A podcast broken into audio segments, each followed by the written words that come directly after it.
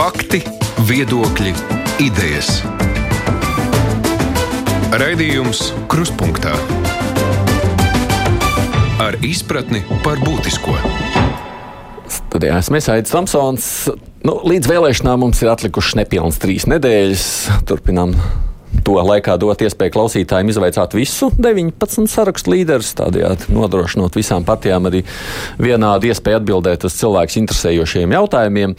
Bet nu, pirmdienas kruspunktā ir lielās intervijas dienas, tāpat kā ceturtdienās mums ir amatpersonu izvaicāšana, un tā kā vēlēšanas ir jau tuvu, mums likās, ka arī kruspunktā būtu svarīgi, lai kādas sarunas nu, ir ne tikai iztaujāšana, bet kas vairāk. Tādēļ mēs esam vienojušies komandā, ka šajās trīs nedēļās aprunāsimies ar populārāko partiju premjeru kandidātiem, un tās būs intervijas. Turklāt nu, īpaši svarīgi, protams, ir runāt ar tiem, kuriem ir vislielākās izredzes arī noteikt politiku Latvijā. Līdz ar to saskaņā ar pēdējiem aptauju datiem esam izvēlējušies runāt ar piecu populārāko partiju izvirzītajiem premjerkandidātiem, nu, kur saraksti pat bez tādas iepriekšējas izlīdzināšanas pārvar 5% barjeru. Nu, mēs darīsim to gan pirmdienās, gan ceturtdienās, un šodien ir pirmā no intervijām.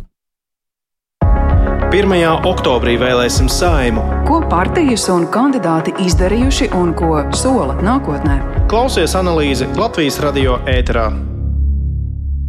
Pirmā reize kopš izveidošanas šķiet saimā varētu darboties arī partija, kurai līdz šim nesanāca savākt nepieciešamo balsu skaitu, un tā ir partija progresīvie. Daudz vēlētāji aptaujās saka, tātad, ka ir gatavi balsot par šo sarakstu, un tāpēc mans sarunbiedrs šodien partijas iespējamais premjeras Kaspars Briškens. Labdien! Sveicināti! Nu, tiem, kas nesako aktīvi politikai līdzi, droši vien jūs savukārt esat nezināms cilvēks. Tā pārsteigumos, kā jūs sevi raksturojat, ko darāt. Jā, es esmu jaunpienācējs politikā. Mūsu piedāvātajā komandā, jeb ēnu ministru kabinetā ir vairāk šādu cilvēku. Vienlaikus tur ir arī cilvēki, kas jau ir ieguvuši politisku pieredzi, sekmīgi darbojoties Rīgas domē, kur mēs esam daļa no pārmaiņu uh, koalīcijas. Pats personīgi savu karjeru sāku ārlietu dienestā. 2000. gada beigās, piecus gadus pavadīja arī mūsu vēstniecībā Zviedrijā, kas sakrit ar šo lielās krīzes laiku. Uh, pēc tam karjeru turpināju satiksmes nozarē, tā skaitā vadot lielus uh, uzņēmumus, tā skaitā uh, kūrējot mūsu megaprojektu Real Baltica, kuras kopējais investīcija apjoms ir nu, faktiski viena valsts ikgadējā budžeta apmērā. Es esmu vienmēr aizrāvies arī ar labas pārvaldības jautājumiem visos arī šajos uh, lielajos uzņēmumos, lielajos projektos, nu, līdz visbeidzot pagājušā gada beigās, šī gada sākumā, man bija iespēja pievienoties pro platformai, ko organizēja dažādu veidu, dažādu nozaru viedokļu līderi, tādi kā Andris Sprūts, ilgadējais ārpolitikas institūta vadītājs. Mums pievienojās arī Skaidrīta Ābrama, konkurences padomus vadītāja Imants Lieģis, Liena Gātera, bijusī Dēlnes vadītāja. Un kopumā mēs sākām aktīvi strādāt pie tādām jaunām, alternatīvām idejām Latvijas attīstībai. Protams, pakāpeniski stiprinājām sadarbību ar partiju progresīvie, kas ir rezultējies tajā, ka lielākā daļa no mums arī kandidē pirmo reizi šajās vēlēšanās. Nu, kā jūs jau raksturojat, ziniet, kā parasti, kas darba interviju dodoties, sev jāraksturo no labākās puses, un arī drīkst no sliktākās. Jā, es, es akcentēšu divas lietas. Es esmu komandas spēlētājs vis, visās jomās, kurās es līdz šim esmu strādājis, no ārlietu dienesta līdz Real Baltica mega projektam. Veiksmes atslēga vienmēr ir bijusi spēcīga saliedēta komanda. Un otrā lietiņa, es uzskatu, ka es esmu pragmatisks vizionārs šī vīzijas komponente nereti Latvijas politikā ir pietrūkusi. Es domāju, ka kopā ar mūsu komandu, kopā ar idejām, kuras arī pats vēlos ienest Latvijas politikā un šo sadarbības kultūru, um, es domāju, ka šāda vīzija Latvijai šādās ģeopolitiskās krustcelēs uh, būs ļoti svarīga. Nu, esat jau mazliet bijis arī ar vīziju un iet saistīšanos kaut vai daļēji domājot par politiku iepriekš, kas tad jums lika vilkties par kustībā, jo bijāt arī tās dibinātājs? Jā, 2017. gada beigās uh, biju starp kustības par uh, dibinātājiem. Uh, šī kustība apvienoja ļoti daudz zinošus, godprātīgus un, un, un, un arī ar vīziju apveltītus cilvēkus.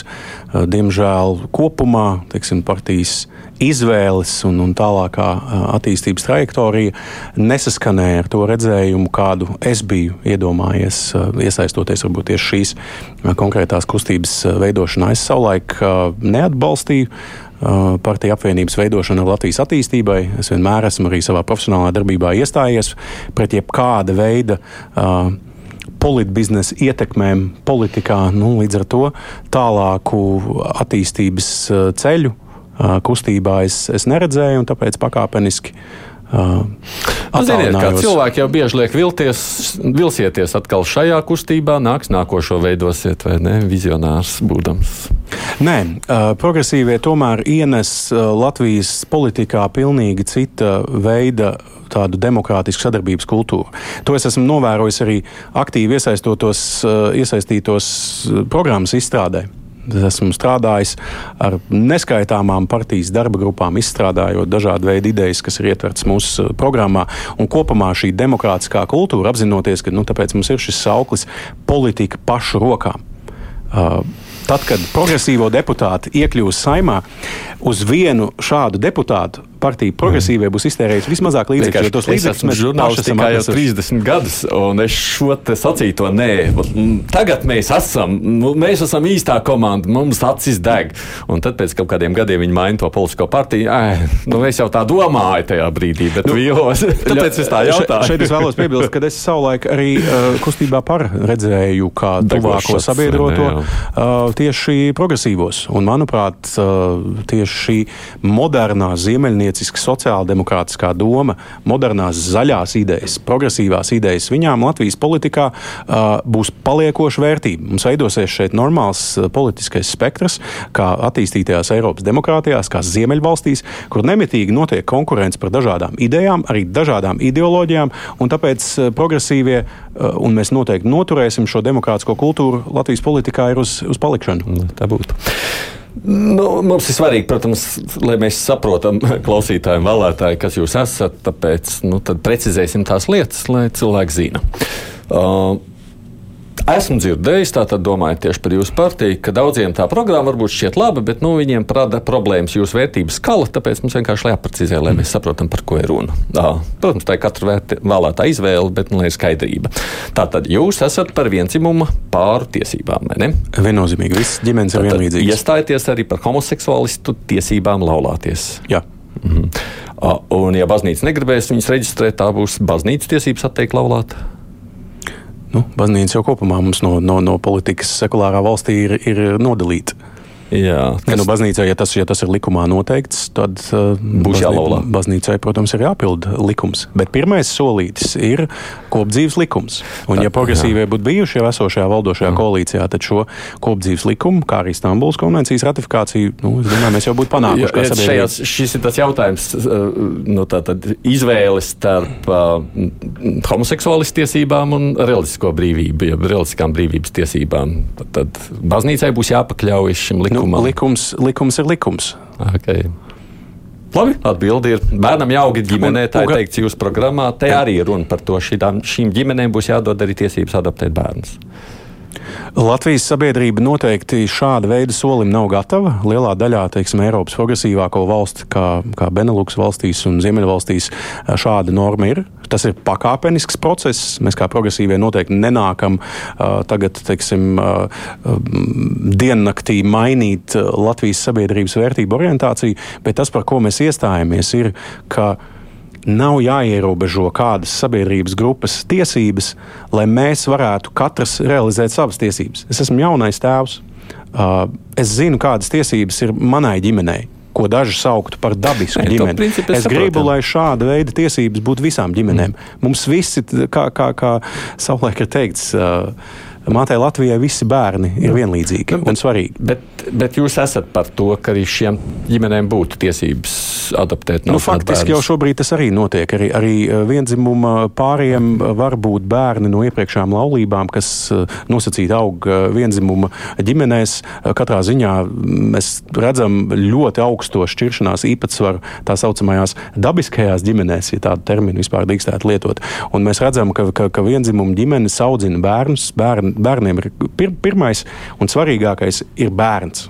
Bērnam ir jāaug la, laimīgā, mīlošā ģimenē, nevis, piemēram, kā Latvijā 21. Gad, gadsimta traģēdija, kur mums bērni joprojām aug bērnamos. Tā otra lieta, ko es gribētu precizēt, ir par nacionālo pašapziņu un vērtībām. Tad jūsu programmā ir teikts, ka karš dod mums unikālu iespēju saliedēt sabiedrību. Un mans jautājums, ko darīt ar tiem, kas pauž šobrīd nu, arī publiski atbalstu Krievijas agresijai? Nu, kat, katrā ziņā uh, dažkārt ir sajūta, ka daļa ilgi pie varas esošu politiķu pamodās 24. februārī un konstatēja, ka Latvijā ir uh, sabiedrība, kas ir sašķelta etniskajā līmenī. Skaidrs, ka Latvijas imigrācijas un, un, un naturalizācijas politikā ir bijušas neizmantotās iespējas. Uh, viennozīmīgi ir, ir jānotur ļoti stingri šis kurs, ka Latvijas pilsonība var iegūt tikai uh, pilsonības iegūšanas kārtībā, iemācoties latviešu valodu, uh, balstoties uz vienotām Latvijas un Eiropas vērtību orientāciju. Un skaidrs, ka ar cilvēkiem, kas uh, uh, nu, teiksim, dzīvo Kremļa informācijas telpā, aktīvi noliedz Latvijas un Eiropas kopējās vērtības, mums nav pa ceļam. Šeit nevar būt nu, kompromisu. Ko darīt ar viņiem? Viens eh, solis, protams, ka viens solis ir pieņemts, paldies Dievam, Latvijā vairs bērni nepiedzimst par nepilsoņiem. Otrs solis, un mēs saprotam, ka šī segregācija, šī sabiedrības sašķelšana etniskajā līmenī, viņi sākās skolā. Viņi faktiski sākās jau bērnu dārzā. Tāpēc progresīvie ļoti stingri iestājās par vienotu integrētu izglītības sistēmu latviešu valodā no pusotra gada vecuma. Un tas ir princips, ko, ko, ko mēs eh, neapšaubām atbalstīsim. Man prieks redzēt, ka nu, Latvijā veidojās arī politisks konsensus šādām idejām, un vismaz neradīsim jaunu sašķeltību. Nodrošināsim to, ka skolā bērni aug vienotā vidē. Cerams, ka tas atrisinās problēmu pēc gadiem 20, kad viņi būs izauguši kā bērni. Bet ko tagad darīt ar šiem? Viens veids ir, es jau tikko nedaudz pieskārošam jautājumam, mēģināt neutralizēt šīs Kremļa informatīvās telpas uh, ietekmi. Nu, ko mēs darām? Nu, mēs to darām nepietiekami. Mēs redzam, ka, piemēram, Igaunijā ļoti sekmīgi darbojās šis ETV eh, e plus eh, televīzijas kanāls, kas eh, strādā ar krivulodīgiem žurnālistiem, ražo saturu kam ir grūti, protams, izkonkurēt visu popūriju, kas, kas ir Kremļa mēdījos, ko var, ko var noķert ar jebkuru satelīta antēnu un, un, un trikoloru satelīta galviņā. Bet katrā ziņā mēs redzam, Igaunijas sabiedrībā ir pieaudzis būtiski teiksim, uzticības līmenis krievvalodīgās sabiedrības daļas vidū šim sabiedriskajam kanālam Krievijas nu, valodā. Jūs atbalstāt tādu mēdīju radīšanu Krievijas valodā. Jā, un mēs okay. vienlaikus redzam arī, ka mums šeit veidojās arī tāds, teiksim, krieviski runājošo uh, starptautisko mēdīju centrs. Vienalga, vai tā būtu Deutsche Welles, uh, Krievijas nodaļa, vai tas būtu uh, kanāls uh, TV Došķi, kur, protams, ir iespēja sadarboties ar šiem žurnālistiem un veidot teiksim, Latvijai arī pielāgotu, bet vienlaikus objektīvu saturu un mēģināt šos cilvēkus raut ārā no Kremļa informācijas telpas. Skaidrs, ka tas nav ilgspējīgs risinājums šai sabiedrības daļai vienkārši uzgriezt muguru. Tāpēc, protams, arī mūsu deputāti Rīgas domē stingri atbalstīja arī eh, monumentu nojaukšanu. Mēs uzskatām, ka arī daudzās citās Latvijas pilsētās joprojām ir šāda veida eh, sašķeltības simboli, bet vienlaikus ir svarīgi, ka mēs nojaucam ne tikai eh, šos betona artefaktus, bet mēs sākam mainīt arī mūsu izpratni galvās, nojaucam tos monumentus mūsu galvās. Mēs redzējām, arī medijos tikko mm, bija ziņa un arī tika nofilmēts kā viens Krievs bija uzbrucis autovadītājiem, kurš bija uzlicis uz, uzrakstu atbalstu uzrakstu Ukraiņiem. Viņš tur izvilka ārā šaujamo, bet laikam pēc tam beig beigās tikai spēra kāju. Ko darīt ar šo Krievu? Nu, likuma noteiktajā kārtībā, ja ir kāds, teiksim, nu, atkarībā no tā, pēc kāda statusa viņš šeit ir ieradies, vai ar termiņu uzturēšanās atļauju, vai kādu, kādu vīzu, es domāju, ka ir jāatrod likumā noteikta kārtība, kādā iespējams šo cilvēku var saukt pie atbildības, radikālā gadījumā pat, pat, pat, pat izraidīt.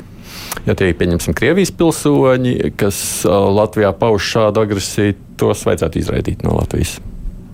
At, atkarībā no tā, kādā statusā šie cilvēki ir ieradušies, protams, ka šāda veida uh, atklāta nelojalitāte pret uh, Latviju, pret Latvijas vērtībām, pret mūsu attieksmi pret Krievijas asiņaino kara Ukrainā uh, šajā sabiedrībā nav, nav pieļaujama. No, ja viņiem ir tās termiņa atļaujas. Nu šobrīd mēs vispār redzam, ja mēs to skatāmies tādā plašākā kontekstā, uh, Eiropas Savienības dalībvalstīm gan dažādu pragmatisku iemeslu dēļ, gan iespējams tāda uh, politiska naivuma dēļ, vienmēr bija uh, nekritiska attieksme pret Krieviju. Skaidrs, ka mēs šeit pierobežā jau sen esam sapratuši, kādas, kāds ir Kremļa galvenais motīvs vērsts uz Krievijas impērijas slavas atgriešanu. Jau 14. gadā, protams, šeit trauksmes zvanīja, zvanīja Krimas aneksijas laikā Eiropa, atkal gan dēļ savām pragmatiskajām saikņu važām, tā skaitā gāzes atkarības, gan dēļ savas, varbūt, naivākas izpratnes par politiku. Diemžēl neieklausījās Baltieši jau tajā laikā ļoti skaļajās balsīs par to, ka pie šī jautājuma ir, ir, ir ļoti aktīvi eh, jāvēršās. Un tagad ir tas brīdis pienācis, kad arī Eiropā Baltiešos sāk ieklausīties, un cerams, ka šādu stingru kursu Eiropa arī noturēs. Jā, mēs esam dzirdējuši, šis ir tāds narratīvs, kas ir gājis, protams, arī visu 30 gadus kopš Latvijas atkarības, neatkarības atjaunošanas, nu, sakot, nu, ko darām. Deokupējam, jeb izdenam ārā viņus no Latvijas, mēģinām sadzīvot ar viņiem nu, kas Latvijā šeit dzīvo, bet realitātē saka, ka viņu lielie fans ir Putins un Krievija. Mēģinam integrēt. Vienlaikus mēģinam neutralizēt šo Kremļa informācijas telpas eh, ietekmi. Tas, tas ir ļoti, ļoti svarīgs elements, jo arī ar cilvēkiem, kas dzīvo šajā informācijas telpā, līdz ko viņiem ir iespēja, nu, piemēram, uh, bērni aizbrauc studēt uz citu pilsētu, vai varbūt aizbrauc studēt kaut kur starptautisku. Viņi atgriežoties, var runāt ar saviem vecākiem, kas varbūt ikdienā skatās eh, Kremļa eh, mēdījus, un pastāstīt viņiem, ka var, var domāt arī citādi. Krievijā tas nedarbojas pašā Tur mēs neesam lat... Krievija, mēs esam Latvija. Mums ir cilvēki, kuri, tā skaitā cilvēki, kas, kas eh, ir naturalizējušies, ieguvuši pilsonību, bet diemžēl joprojām dzīvo Kremļa informācijas telpā. Nu, ar Krievijas Savienību nekad nebūsiet vienā koalīcijā. Nē, mēs neredzam kopīgu ar partiju, kas pat šādos kritiskos ģeopolitiskos apstākļos joprojām izmanto šo sabiedrības sašķeltību, lai būvētu savu politisko kapitālu. Ar stabilitātei? Līdzīgi. Tās ir partijas, kas nemitīgi atražo uh, Kremļa tēzes, uh, tādējādi pat nostiprinot šo, šo, šo narratīvu un šo valdošo domu cilvēkos, kas, kas, kas, kas protams, nav savi, savietojami ar lojalitāti Latvijas valstī, ar Latvijas vērtībām. Mēs neredzam sadarbības iespējas. Un saskaņa? Līdzīgi.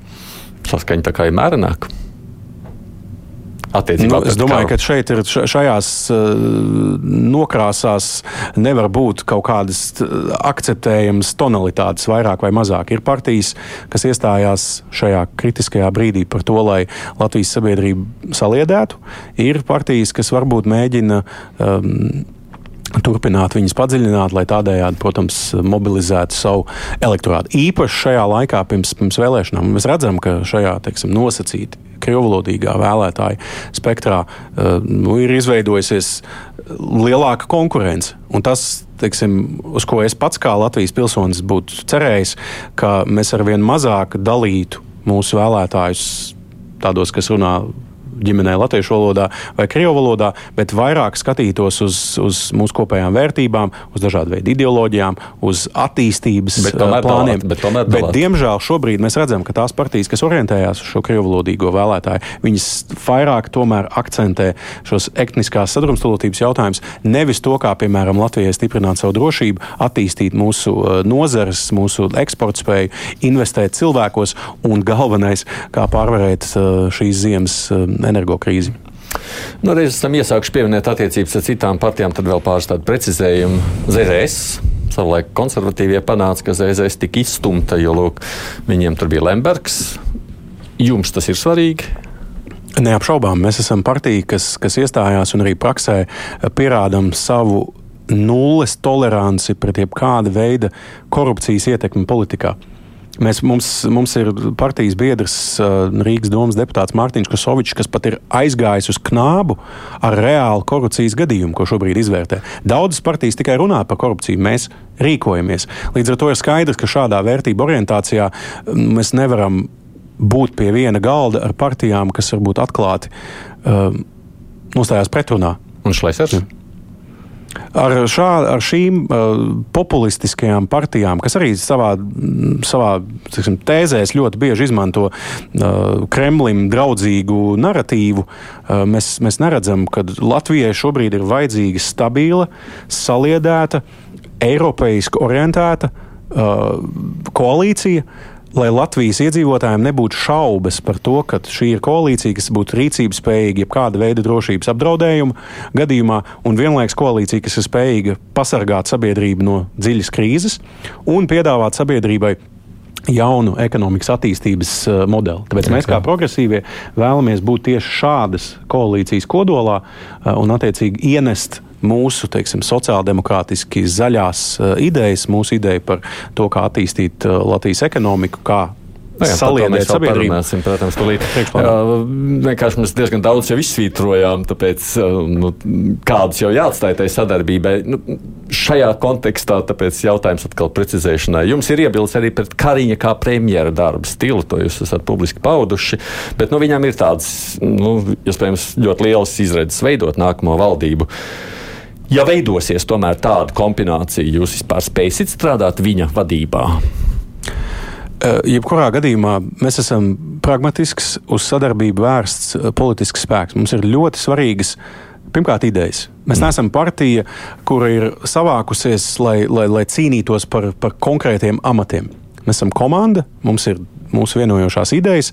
Mēs esam gatavi sēdzēt, sēsties ar līdzīgi domājošām partijām pie viena galda un sastādot valdības deklarāciju, šajā deklarācijā ielikt mums svarīgos principus. Galvenais no šiem principiem teiksim, īstermiņā ir nodrošināt, lai krīzes smagumu kārtējo reizi uz saviem pleciem mm. neiznestu vidusmēra. Tad, kad jums ir skaidrs idejas, tad tas, kādā veidā premjerministrs, jeb kādu stilu viņš strādā, to jūs būtu gatavi paciest, ja jums pat tas nepatīk. Nē, nu, protams, ka mēs vēlētos redzēt, un tas ir tas, ir tas kur es ļoti labi varu novērtēt to, ka premjerministrs Kariņš ir spējis ļoti sarežģītos apstākļos, faktiski bezprecedenta krīzē, Covid krīzē, uh, saglabāt koalīcijas stabilitāti. Jautājums, protams, ir par kādu cenu. Nu jā, šeit mēs, protams, redzam, ka tas kaut kādā mērā ir ticis darīts uz, uz Latvijas attīstības rēķina. Mēs redzam, ka šī šķēra attīstības pat ar Baltijas valstīm uh, palielinās. Uh, un tāpēc, teiksim, protams, ka jaunajai valdībai būtu jābūt daudz izlēmīgākai, daudz uh, vienotākai savā koalīcijā iepratim Latvijas sabiedrībai. Mēs redzējām arī Covid laikā, uh, sabiedrībai nu, nemitīgi nācās uh,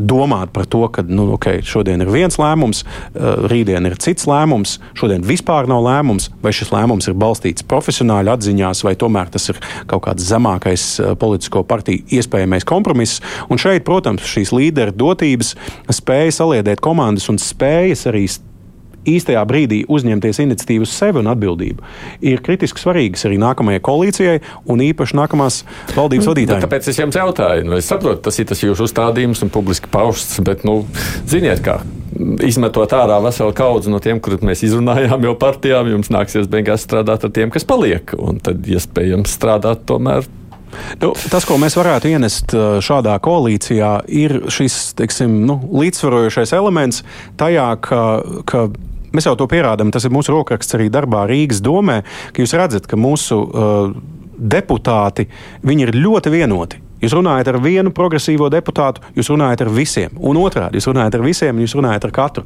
Šeit nav tā, ka vienam deputātam mm. ir viens viedoklis, un otram ir pilnīgi pretējs viedoklis. Līdz ar to mēs kopumā esam pirmkārt ļoti demokrātisks spēks. Mēs nonākam pie mūsu lēmumiem kopīgi, tā skaitā ar mūsu 800 biedriem. Bet tad, kad mēs esam šos lēmumus pieņēmuši, mēs ļoti korekti un disciplinēti arī pie viņiem pieturamies. Un tādējādi mēs jebkurā koalīcijā varam būt daudz prognozējamāks spēks. Es nemaz nerunāšu par to, ka uh, nevienam nenāksies Latvijas politikā zīmēt, kāda veida intereses varētu stāvēt aiz, aiz progresīvo pozīcijām vai nostājām. Zīlēšana būs.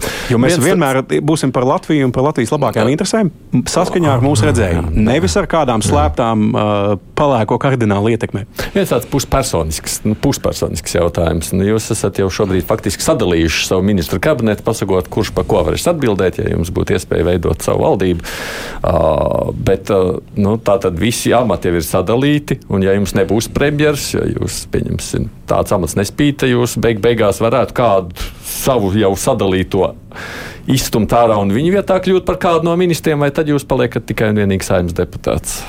Ļoti negribās šajā kritiskajā stadijā runāt par, par konkrētiem amatiem. Es vienkārši negribu. Ne, tas ir jautājums par jūsu personību. Es, es negribu projicēt. Par jūsu personību. Kļūdainu izpratni par to, ka jebkurš katrs no mums ir vērsts uz konkrēto amatu. Skaidrs, ka tas, ko mēs esam izdarījuši, mēs esam ļoti lepni par to, ka mēs esam spējuši nokomplektēt šo 14 cilvēku komandu.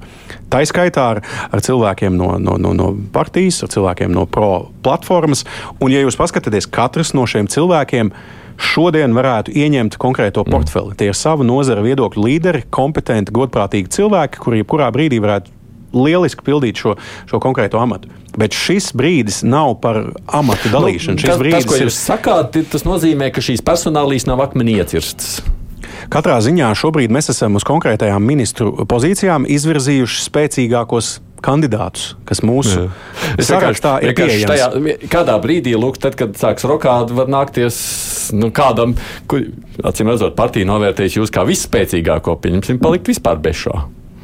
Es esmu ļoti pagodināts, ka 800 biedru partija ir devusi man šo atbildību. Es viņu nesīšu ne tikai līdz 1. oktobrim, bet arī tālākajā darbā, lai mēs pirmkārt nestu progresīvas idejas un lai mūsu cilvēki varētu pārziemot. Un tad mēs domāsim par amatiem, ka mēs sēdēsim pie koalīcijas galda, rakstīsim uh, valdības deklarāciju un sapratīsim, vai šādā konfigurācijā uh, progresīvie var, var iesaistīties.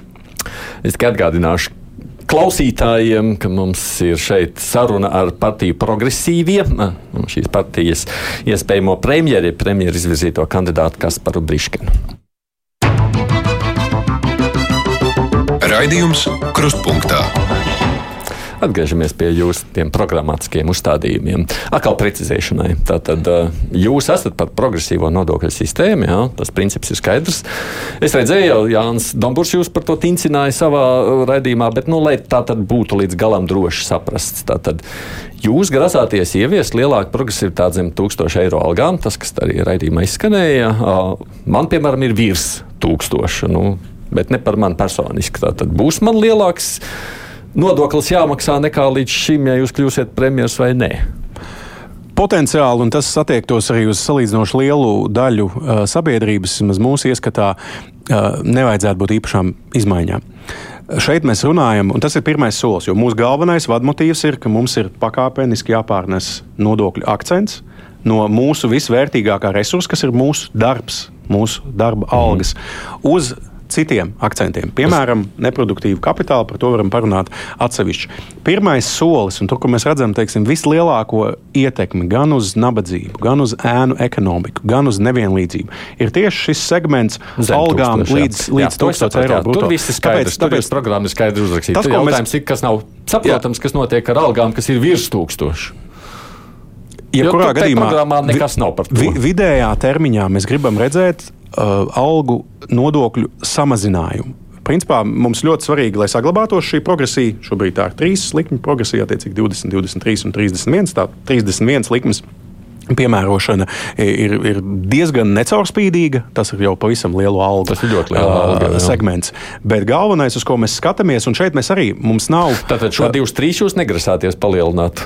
Nē, šobrīd mēs, mēs nerunājam par likmēm. Mēs varam, un, un tas ir tas, ko mēs meklējam. Kas ir tas efektīvākais veids, kā alga saņēmējiem līdz šobrīd 1000 eiro brutto. Jā, maciņā atstāt vairāk naudas. Sapratu. Vai nu tas ir, jā, vai nu tas ir paaugstinot neapliekamo minimumu? Es precizēju to virs tūkstošu. Līdzīgi kā Jānis mēģināja dabūt skaidrību. Likmēm mēs varbūt mēs varam atkal jāskatās fiskālā ietekme, jāskatās ietekme uz, piemēram, ēnu ekonomiku, kas ir efektīvāki instrumenti. Vai, piemēram, neapliekamā minimuma paaugstināšana līdz 800 garākā termiņā līdz 1000, vai, piemēram, zemākās IN likmes samazināšana šobrīd ir 20, varbūt 19, 18. Tur katrā ziņā tad, kad mums būs pieeja kopējam budžeta ietvaram, mums būs daudz labākas iespējas šo modelēt. Bet svarīgi ir tas, ka ilgtermiņā Latvijai ir jāsamazina kopējais nodokļu apjoms, ko mēs ieņemam no mūsu darba algām. Un tā vietā mēs piedāvājam to nodokļu akcentu eh, pārnest pakāpeniski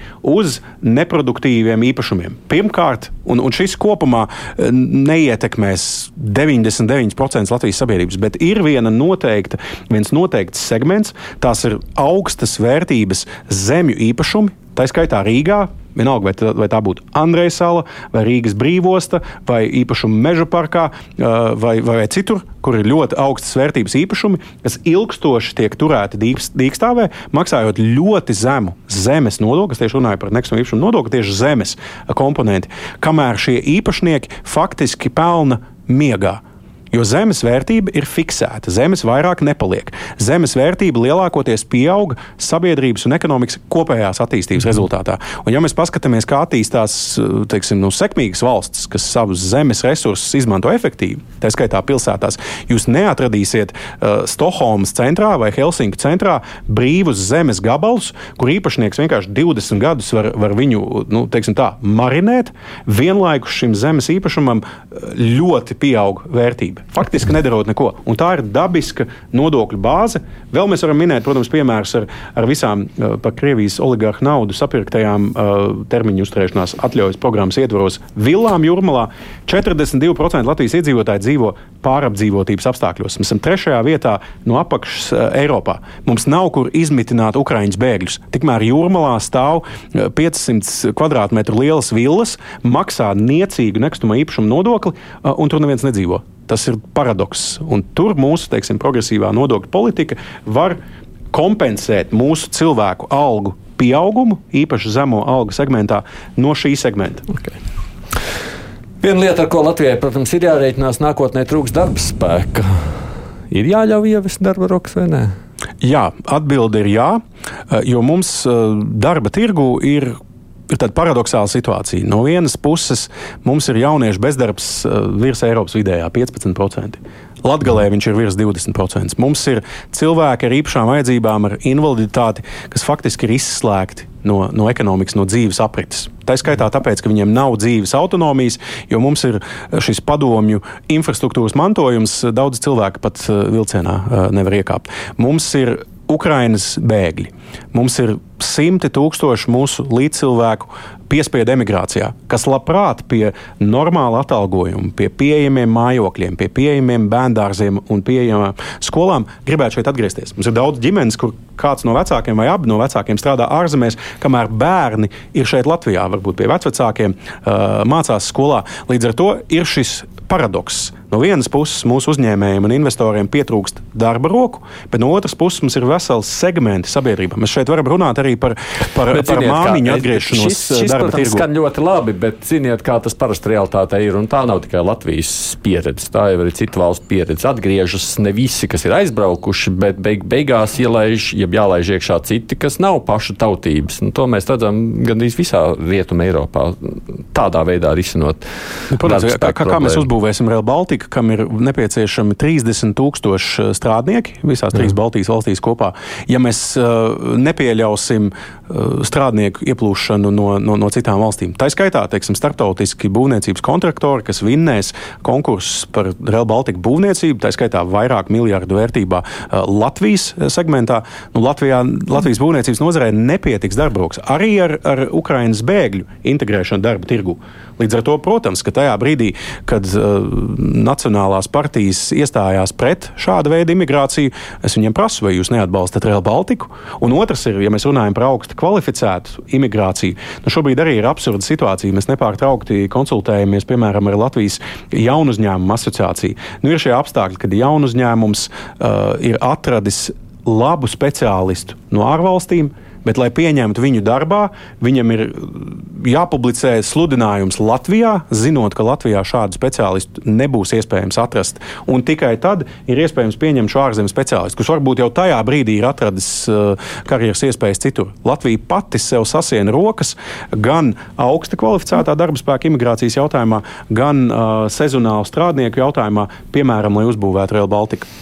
Nu, reiz mēs mazliet to starptautiskajā pusē esam mazliet par ārpolitiku, un tad atgriezīsimies atpakaļ pie iekšpolitikas. Jums starptautiskā pieredze ir, kā jūs teicāt. Uh, Nu, tas pirmais jautājums, kas droši vien te ir aktuāls, vispār Eiropas Savienības paplašināšana, Ukraina, Moldova, Gruzija, Balkāni. Vajag Eiropas Savienību paplašināt, būsiet par, nu, jo, tad, ja būsiet premjeras, jums būs viens no tie, kas lemjat par tiem jautājumiem. Jā, sa sarunas ir, ir, ir uzsāktas, tas ir ļoti pozitīvi, un, protams, ka pārskatāmā termiņā ir jābūt skaidram, skaidrai ceļa kartei, kā šīs uz eiropeiskām vērtībām orientētās valstis uh, pakāpeniski kļūst par Eiropas Savienības dalību valstīm. Protams, izpildot uh, virkni kritēriju līdzīgi kā tas bija laikā, kad Eiropas Savienībā iestājās uh, Baltijas valstis. Nu, mēs redzam, ka tas savukārt rada ar vien lielākus izaicinājumus jautājumos par lēmumu pieņemšanu, jo viss notiek Eiropas Savienībā pēc vienprātības principa lēmumu pieņemšanu, un jo lielāks valsts skaits, jo tas grūtāk tiek izdarīts. Tāpēc arī tiek diskutēts par to, vajadzētu arī iespējams reformēt pašu šo te, mm, Eiropas Savienības nu, gan institūciju, gan sistēmu, kā lēmumi tiek pieņemti. Jūsuprāt, ir jāsaglabā veto tiesības vienai valstī, kāds ir šobrīd, jeb, jeb, jebkurai valstī, uz jebkuru lēmumu pieņemšanu vai nē?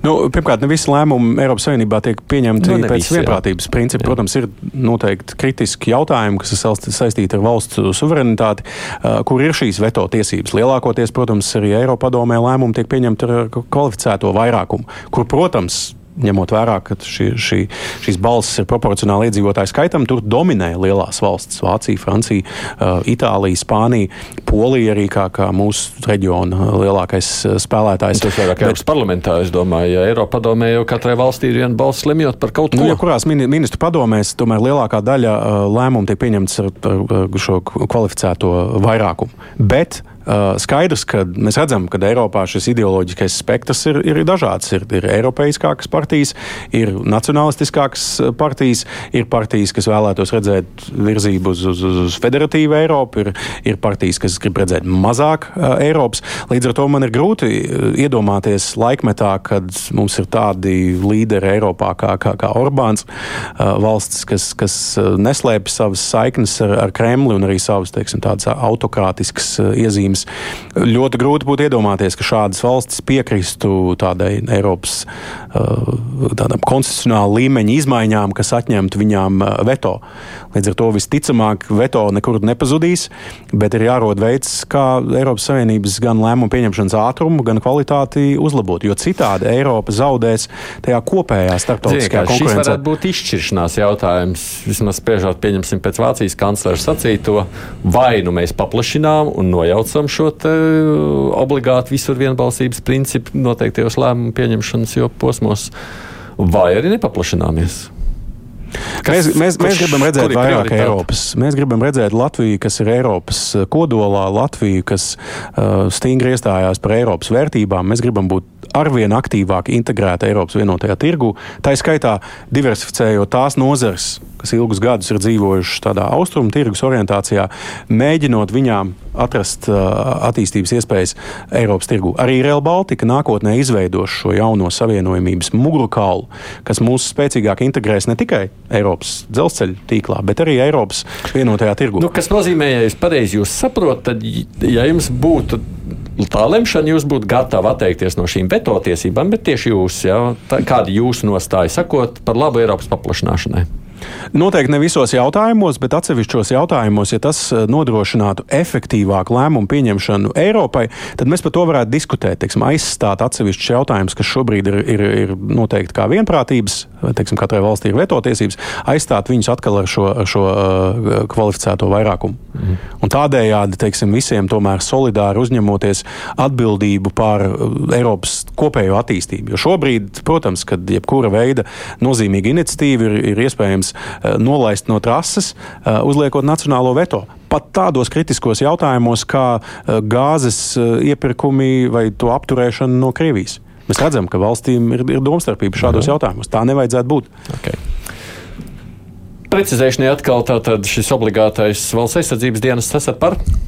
Jā, par, par, par dienestu noteikti mēs atbalstam. Mēs ļoti labi saprotam, ka, ka Latvijai šī mobilizācijas eh, rezerve ir nepietiekama. Tas, ko mēs cenšamies akcentēt, ir vairākas lietiņas. Pirmkārt, mēs vēlamies priekšplānā izvirzīt šo brīvprātības principu. Mēs redzam, ka viņš sekmīgi darbojās Baltijas valstīs, arī Ziemeļvalstīs, tā skaitā saucamais Skandināvijas modelis, Zviedrija, Dānija, Norvēģija, Zviedrija, protams, tagad kļūstot arī par NATO dalību valsts. Mēs pilnīgi noteikti neesam tā politiskā partija, kas mūsu jauniešus biedēs ar, ar cietumsodiem vai ar pases atņemšanu pēc 26 gadu vecuma gadījumā, ja jaunietis negribēs pievienoties šim dienestam. Tāpēc galvenais akcents jāliek uz moderna dienesta izveidi, kas jaunieti motivē. Tur iestādi. Mēs jau mēs... tomēr brīvprātīgs vai obligāts? Pir pirmais akcents ir uz brīvprātīgo. Nepieciešamības gadījumā, ja teiksim, šādā brīvprātīgā kārtā nav iespējams iegūt nepieciešamo ikgadējo rezervi, piemēram, piedāvātos tūkstotus rekrūšus uh, pirmajos trīs gados, kat, katru gadu, tad jā, tad ir jāaizpild arī pēc teiksim, mobilizācijas rezerves vajadzības. Tad ir iespējams to aizpildīt arī oficiālā kārtā. Bet mēs redzam, ka ja Bet, šo nu, dienestu. Oficiālā nozīmē piespiedu kārtā. Nu, bet mēs redzam, ka gan Lietuvā, gan Igaunijā, gan Ziemeļvalstīs lielāko daļu šī iesaukuma aizpilda brīvprātīgie. Tāpēc šis dienests ir veidots tādā veidā, lai jaunietim iedotu uh, dzīvē nepieciešamas iemaņas, ne tikai šīs kritiski svarīgās militārās iemaņas. Bet... Es mēģinu saprast, jo tas ir. Mm, jūs sakāt, ka jā, esam pār, bet par brīvprātīgu, bet tomēr par brīvprātīgu. Bet, Nē, ja nu, neizpildīs, tad kaut kādām sankcijām jā, obligāti jā, vienmēr paredz sankcijas. Protams, bet protams, nevar. Bet akcentu likt uz to, ka pēc iespējas lielāka daļa piesakās brīvprātīgi brīvprātīgi. Mēs, mēs to redzam Baltijas valstīs. Tikai jo, neliela jo, daļa rekrūšu tiek, tiek uh, iesaistīta šajā dienestā piespiedu kārtā. Tātad kādiem varētu trāpīties uz piespiedu? Nu, bet fokusēsimies uz šo brīvprātību, fokusēsimies uz šī dienesta saturu, tā skaitā dažādām iemaņām. Pie, piemēram, veicinot uh, dažādas kiberiemaņas, veicinot iespēju, eh, piemēram, piemērot dienas laikā iegūtos kredītpunktus tālākām studijām, piemēram, nodrošinot uh, kredītus vai, vai garantijas arī tālākām studijām, vai, piemēram, atmaksājot studiju kredītu tiem, kas, uh, kas, ir, kas ir dienējuši šajā aizsardzības dienestā. Burkānus. Nopietnus burkānus, līdzīgi kā Ziemeļvalstīs, lai jaunieši būtu ieinteresēti iet ne tikai patriotisku nolūku vadīt, bet arī tīri pragmatiski, kā daļu no savas eh, nākotnes karjeras attīstības. Mēs redzam, ka tie jaunieši, kas, piemēram, Zviedrijā ir izgājuši vai, vai, vai Somijā, izgājuši šo militāro dienestu, tā, tas, tas ir ļoti spēcīgs pamats arī viņu tālākai uh, izglītības un profesionālajai izaugsmai. Nu, Latvijai ir visas iespējas, eh, veidojot šo dienestu, darīt to pašu. Bet neaizmirsīsim, ka, šis dienests nav panacēja. Latvijai ir jāinvestē mūsu kaujas vienību aizsardzības spējās, ekopējumā, sākot no, no kaujas droniem, bairaktariem līdz uh, nakts redzamības brillēm, termovīzoriem un tā tālāk. Plus mums ir jādubulto finansējums kiberdrošībai.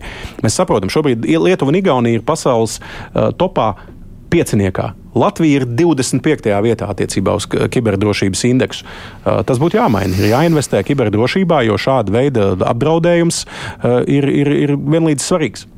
Par skolām es visu nevarētu, varbūt skatoties no jūsu programmas, man nesapratu jautā, ja to, to vienu teikumu novērsīsim pirmsskolas darbinieku nevienlīdzību.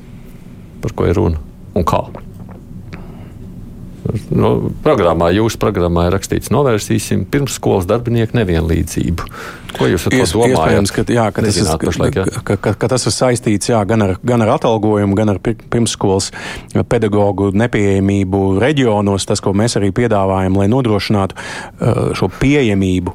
Nu, šobrīd Kad... ir tā, ka pašvaldības uh, daļu algas maksā pašvaldības, jā, un no, nu, atkarībā no tā, cik kāda vecuma bērni ir, nu, pašvaldībām tās rocības ir dažādas, un ir kādas, kas maksā vairāk, kas mazāk maksā, vai ne? Arī piemaksātām, kas, kur valsts maksā 4. Bet tas nav tikai par, par darba algu. Skaidrs, skaidrs, ka tas, uz ko mēs vēlamies tiekties, ir, ir, ir atalgojums vidējās algas līmenī ar iespējamām piemaksām tas pedagogiem reģionos. Bet svarīgs, protams, arī slodžu jautājums. Ja skolotājs vakarā uh, labo kontrolu darbus un par to netiek atalgots, tad ne, tas, arī ir papildus slodzes. Skolā, protams, tas tā nenotiek. Un, un vēl viena lieta, kas ir atstāta uz pašvaldību pleciem, ir pedagoģa sociālais nodrošinājums. Ir pašvaldības, kuras varbūt ir, kurām ir lielāka rocība, kas var atļauties saviem pedagogiem, piemēram, medicīnas apdrošināšanu. Ir pašvaldības, kur tas tas nav Šobrīd pieejams. pašvaldības kāds un tā ir tā nevienlīdzība. Kā tur, tu, kā panākt to, ka viss maksāja vienu. Nu, tādā ziņā jūs nevarat likumu uzlikt pašvaldībai obligāti maksāt minimālo algu un neļaut piemaksāt vairāk.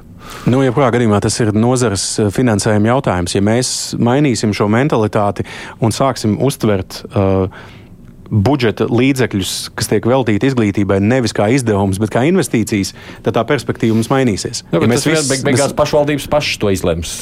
Jūs jau tur neko ar valsts nevarat viņiem nu, tur arī, protams, izglītības ministrijai ir diezgan liela teikšana attiecībā uz to, kāda nu, kas attiec uz viņiem, jā, bet ir jau viena liela daļa, kas neatiec uz viņiem. Nu, bet attiecībā, piemēram, uz veselības apdrošināšanu, tad tam būtu jābūt valstiska līmeņa lēmumam, lai visiem pedagogiem, līdzīgi kā valsts amatpersonām, pašvaldības algoti darbinieki, tie ir pašvaldības. Pirmsskolā viena liela daļa tie ir pašvaldība. Nu, noteikti kā nosacījumu nepieciešamības gadījumā caur pašvaldību izlīdzināšanas fondu piešķirt papildus līdzekļus tām pašvaldībām pašvaldībām, kas to nevar atļauties, lai skolotājiem nodrošinātu veselības apdrošināšanu. Mūsu veselības sistēmā, kur it kā nomināli skaitās bezmaksas, bet vienlaikus ar milzīgiem uh, pacientu līdzmaksājumiem. Nu, Veselības apdrošināšana ir ļoti, ļoti svarīga. Papildus algām un papildus slodzēm. Tas jau nav par svarīgumu. Uh, Jūsu izteikums no Jāņa Dombūra sacīto, ka no Inčkalna krātuves varēja izsist lielākas priekšrocības. Nu, Latvija. Tas man tā uzēja. No, kādas priekšrocības Latvija varētu izsist no tas, ka viņiem pieder Inčkalna krātuve? Jā, tas ir būtisks Latvijas tirgošanās instruments. Tad, kad mēs runājam par pieeju gan klaipēdas sašķidrinātās gāzes termināļa jaudām, gan topošā paldisku termināļa. Man pašam ir vairāk nekā desmit gadu pieredze dažāda veida. Gandrīz vienmēr smagās sarunās ar Baltijas partneriem, kur, protams, pie galda ir dažādas valstu intereses, uh, lai vienotos par, par kopsaucēju. Un tas, ko es esmu uh, novērojis, ka nereti īpaši pēdējos gados, tā skaitā eh, esošās koalīcijas laikā, eh, nu, teiksim, Latvija uz šādu veidu sarunām nāk nesagatavojusies.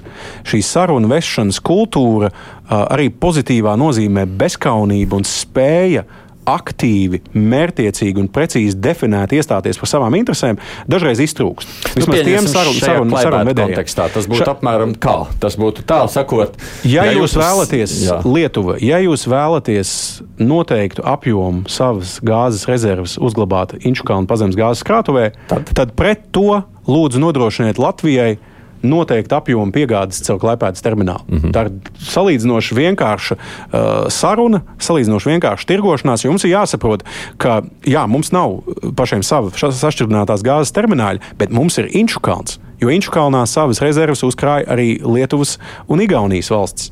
Līdz ar to, jebkurā gadījumā šī iepumpētā gāze eventuāli nonāk Inčukalnā. Jā, daļ, daļēji uh, noteikts jaudas arī kuģī uzglabāt. Tas ļoti dārgi, bet to var darīt, teiksim, lai, lai, lai, lai izlīdzinātu īpaši apkurss sezonā. Un tas, ko Latvija nav darījusi, tā skaitā šo pavasaru, kad gāzes cenas vēl nebija 250 eiro, uh, mēģināt cīnīties par to, lai mums būtu pieeja mums nepieciešamajam gāzes apjomam. Latvijas energo šobrīd ļoti izmisīgi mēģina iegūt šīs papildus eh, teravatstundas, kas ir vajadzīgas apkurses sezonai, eh, bet vienlaikus, manuprāt, es ekonomikas ministrija neizmanto Inčukaunu kā šobrīd, kā zināms, instrumentu. Viens no šiem te tematiem ir jautājums, vai Latvijas energo vajag noslēgt tur, pieņemsim, desmit gadu līgumu ar Klaipēdu Tāpēc, ka tur, tur jautājums, ko mēs darīsim, ka mums ir pašiem savs kulta. Nu, acīm redzot, saruna process ir. Es nezinu, es arī uzreiz saku, es neesmu tajās sarunās, tāpēc es varu tikai vispārīgi spriest no tā, kas parādās publiskajā telpā.